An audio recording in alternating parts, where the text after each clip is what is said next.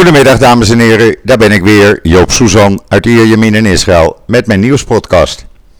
Ja, en er is heel veel nieuws, want het is hier uh, ja, een beetje paniektoestand in Israël. Tenminste binnen de regering van Netanyahu. Maar daar kom ik zo op. Eerst even het weer, voordat ik klachten krijg van mensen. Je zegt, je bent het weer vergeten.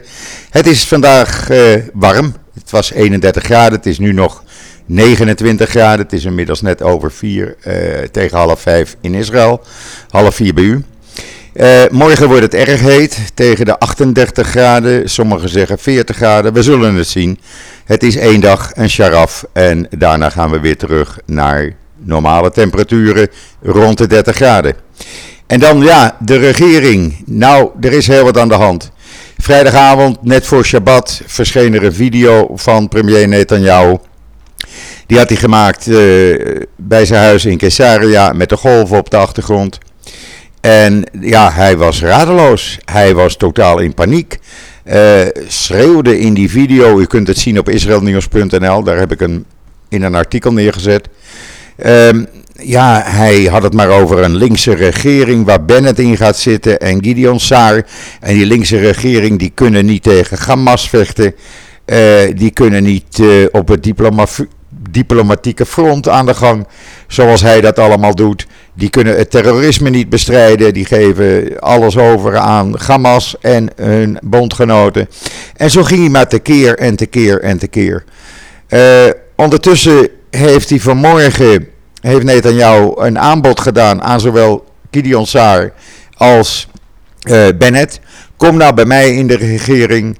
Uh, dan mag Gideon Saar eerst 15 maanden, dan ga ik het twee jaar doen als premier. En dan mag Bennett ook nog 9 maanden als premier.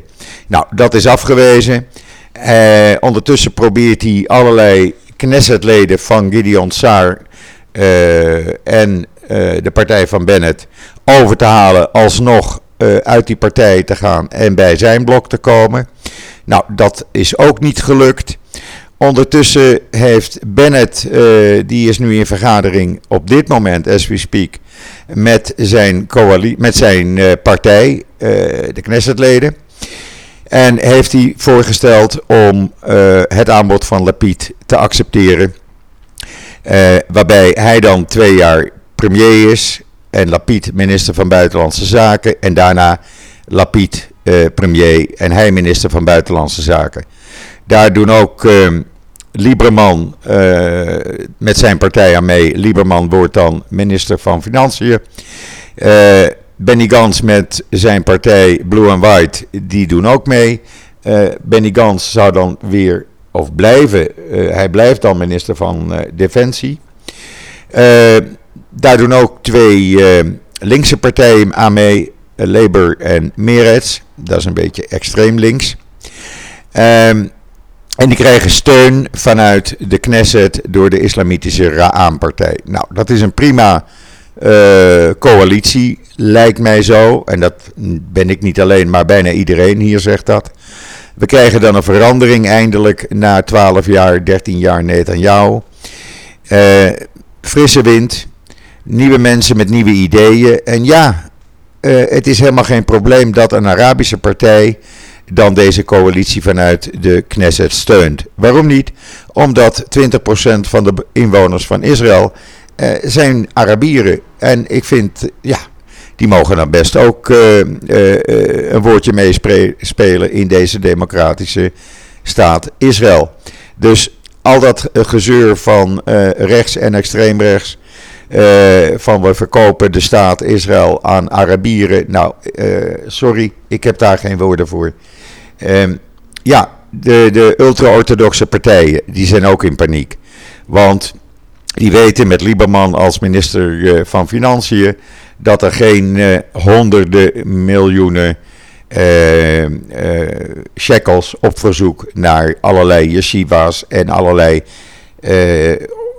ultra-orthodoxe instellingen gaan. Dus ook dat wordt minder. Daar kan er geld besteed worden aan dingen waar echt iedereen op zit te wachten. Um, hoe dat zal gaan aflopen hier in Israël, het is altijd pas zeker als het zeker is. Um, Lapid heeft tot woensdag de tijd, dan moet hij zijn uh, regering rond hebben. zoals het op dit moment eruit ziet, ik blijf voorzichtig, uh, lijkt het erop dat we inderdaad een regeringwisseling gaan krijgen en dat het tijdperk Netanyahu ten einde komt. Uh, maar nogmaals, het is pas zeker als het zeker is, want dit is het Midden-Oosten, dit is Israël. Uh, het is heel spannend. Het is echt heel spannend. Ook al omdat vanuit de Likud nu ook allerlei dingen beginnen te rommelen. Zoals uh, minister Katz van Financiën. Die uh, heeft voorgesteld vanmorgen in de Likud-vergadering. Van luister net aan jou, ga jij nou eventjes weg. Dan word ik de nieuwe leider van de Likud. En dan kunnen we wel met Gideon Saar en Bennett een, ja, een regering vormen. Want die willen geen regering waar jij het voor het zeggen hebt. Net aan jou accepteert dat niet. Uh, zijn hulpje Miri Regev, die ging tekeer als een viswijf op de markt, zo zeg ik het maar. Dan kunt u zich een beetje indenken hoe dat dan gaat.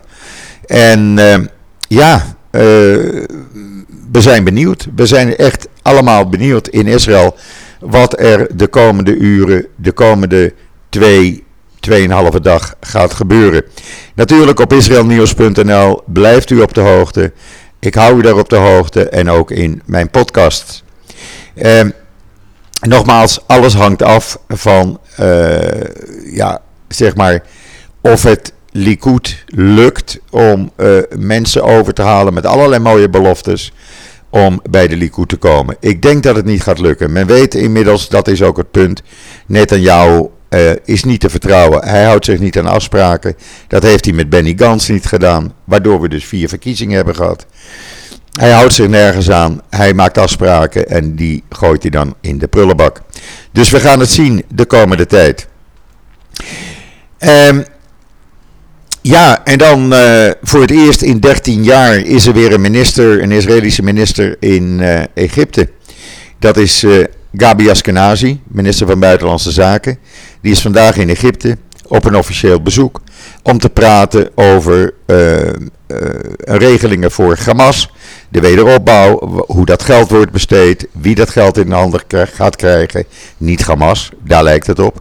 En ook over een gevangenenruil, want wij willen nou wel eens uh, de twee stoffelijke overschotten van de in 2014 gesneuvelde soldaten terug.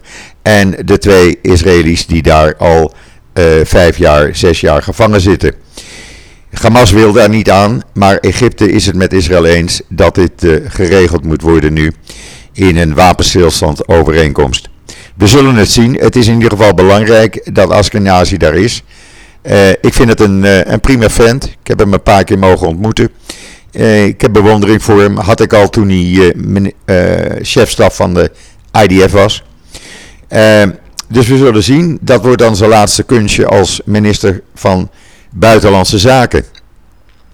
En dan, ja, ik ben een beetje geschokt. Ik ben echt geschokt. Ik heb het vanmorgen op uh, israelnieuws.nl ook neergezet. Esther Voet kwam gisteren met foto's waaruit bleek dat de studenten aan de Koninklijke, ja, Koninklijke Kunstacademie in Amsterdam hun steun openlijk hebben getoond voor het verdwijnen van de staat Israël. Met andere woorden, zoals de spandoeken ook op het gebouw luiden: From the river to the sea, Palestine will be free. Met andere woorden, Israël houdt op te bestaan en het hele gebied wordt Palestijns. Nou, ik vind dit vreselijk.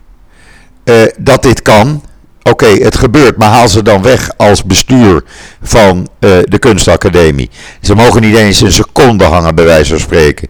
Zorg dat dat niet gebeurt. Maar nee, er is geen actie ondernomen. En ik vind dat een grof, grof schandaal dat dit in Nederland in 2021 mogelijk is. En dat men zich overgeeft aan allerlei, ja, wat zal ik het noemen, uh, haatdragende organisaties die Israël haten, die Joden haten. En dat uiterlijk op het gebouw van de Koninklijke Kunstacademie in Amsterdam uh, ten uiting uh, brengen. Ik vind dat een grof, grof schandaal. Esther heeft gezegd dat ze met uh, het bestuur van die academie, kunstacademie, gaat spreken. Ben benieuwd wat eruit komt. Ik spreek al van de week er wel over. Misschien maken we er zelfs nog een podcast over. In ieder geval, het is een grof, grof schandaal dat dit kan in Nederland. Uh, lees het artikel op uh, israelnieuws.nl. Dan bent u uh, weer helemaal op de hoogte.